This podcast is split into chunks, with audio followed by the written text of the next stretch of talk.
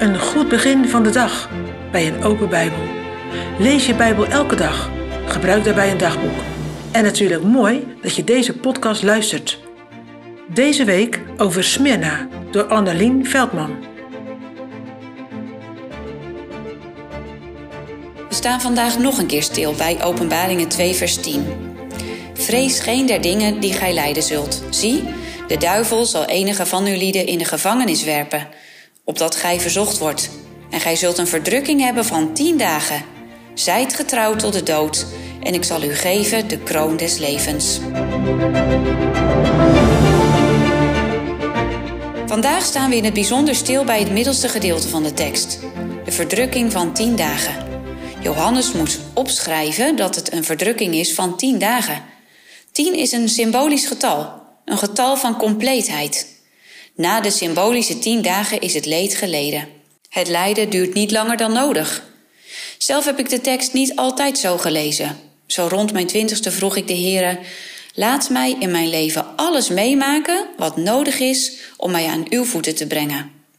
De uitdrukking een verdrukking van tien dagen kende ik wel. Maar ik dacht dat de verdrukking waarvan ik dacht dat die nodig was, wel te doen zou zijn. Het waren maar tien dagen, dus dat zou ik wel volhouden. Niets bleek minder waar. Op eigen kracht kom je geen enkele verdrukking door. Het put je helemaal uit. Overigens kan het ook spannend zijn om vol te houden met de Here.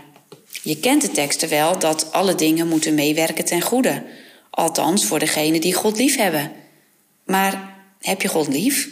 En zullen alle dingen, ook je verzoeking en verdrukking, dus meewerken ten goede? Spurgeon schrijft ook over zo'n meisje, Suzanne. Ze was christen, maar ook somber en moedeloos vanwege het feit dat ze ziek was. Haar dominee kwam langs en vroeg: Suzanne, hoe is het met je hoop? Ze zei: Meneer, ik ben bang geen christen te zijn. Ik heb de Heer Jezus Christus niet lief. Hij vroeg: Waarom? In het verleden leek je dit wel te doen, of deed je alsof? Ik ben bang dat ik mezelf misleid heb, dominee, en dat ik hem niet lief heb, reageerde Suzanne. De dominee liep even een eindje weg en schreef op een stuk papier: Ik heb de Heere Jezus niet meer lief. De dominee vroeg aan Suzanne om deze zin te ondertekenen. Ze weigerde. Ze scheurde het papier liever in duizend stukken dan het te ondertekenen. Als reden zei ze: Ik hoop dat het niet waar is. Ik denk dat ik hem toch lief heb. Neem deze situatie eens om jezelf aan te spiegelen. Vraag jij je af door het lijden dat jou treft of je de Heere Jezus lief hebt? Of je de weg kunt gaan die Hij van je vraagt? Of vraag jij je af of de Heere Jezus jou wel lief heeft? Of jouw zonden die liefde in de weg staan? Of dat er eerst een schuld vereffend moet worden, die je zelf niet betalen kan? Die vragen kunnen je somber, moedeloos en depressief maken. Maar is het misschien een verzoeking of verdrukking door de duivel? Is het een beproeving van het geloof door de Heere? Gisteren hoorden we van het middel dat Luther had gevonden. Psalmen zingen. Psalmen zingen om het vol te houden.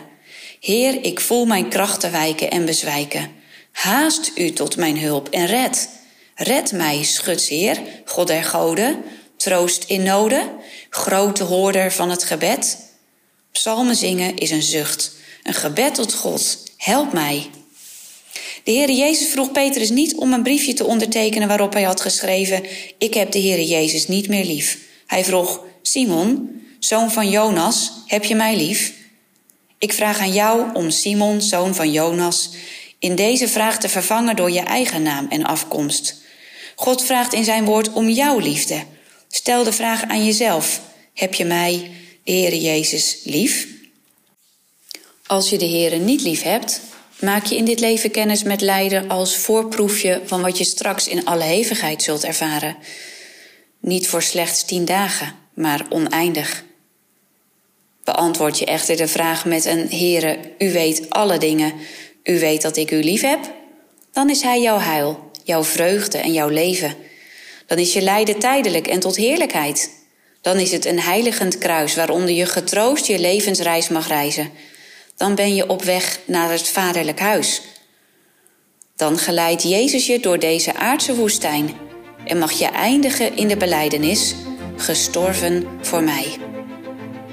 Een verdrukking van tien dagen.